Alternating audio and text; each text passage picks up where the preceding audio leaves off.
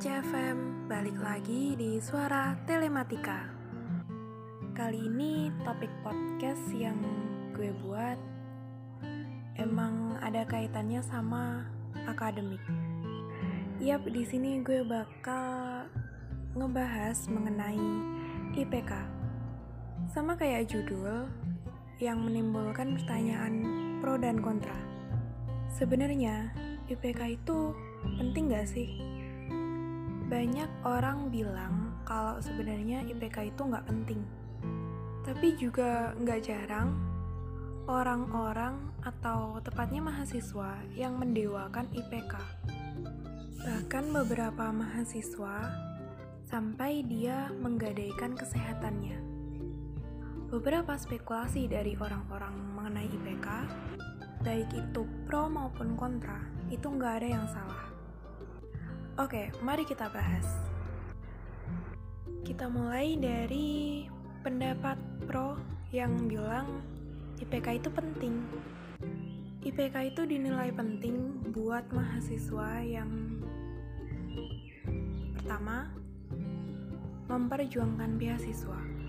Karena biasanya untuk syarat mendapatkan atau mendaftarkan diri di beasiswa itu harus memiliki IPK ya sekitar 3, sekian. Itu artinya bisa disimpulkan bahwa si pemberi beasiswa itu hanya merekrut mahasiswa yang ber-IPK tanda kutip dewa. Bahkan setelah dia mendapatkan beasiswa pun, dia harus mempertahankan biasanya sekitar 3,5 atau 3,25. Yang kedua untuk syarat melamar pekerjaan di perusahaan ternama. Dan kenapa perusahaan ternama mensyaratkan minimal IPK? Padahal kan kalau mereka yang dibutuhkan itu skill. Nah ini gue pernah tanya ke salah satu HR yang kebetulan dia tuh orang tuanya temen gue dan beliau bilang kalau sebenarnya IPK itu ditaruh di nomor sekian.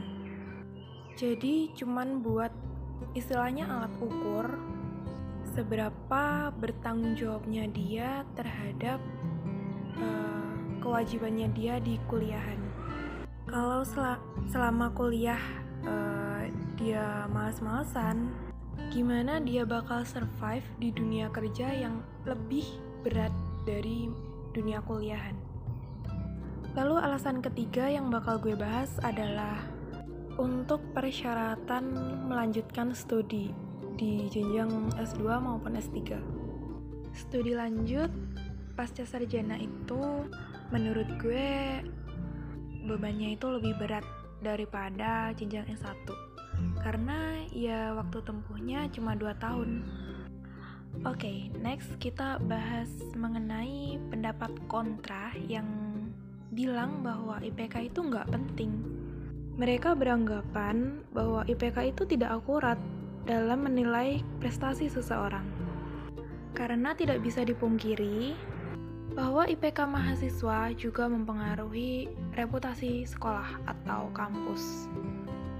So, jadi dari pihak kampus sendiri juga bakal memberi bantuan dalam memberi nilai kepada mahasiswanya.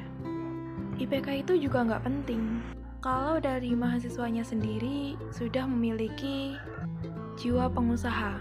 Mereka juga bakal punya anggapan bahwa gue bisa nih bangun startup. Itu kan nggak butuh IPK.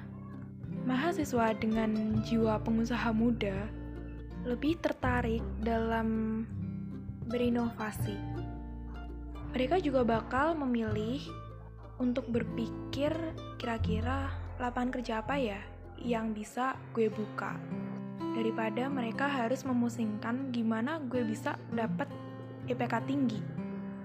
Intinya maupun kalian di tim pro maupun tim kontra itu semuanya benar, gak ada yang salah karena baik perspektif dan tujuan hidup mahasiswa itu beda-beda.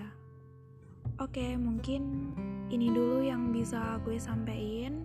Kalau ada salah-salah kata, gue mohon maaf. See you next episode. Dadah.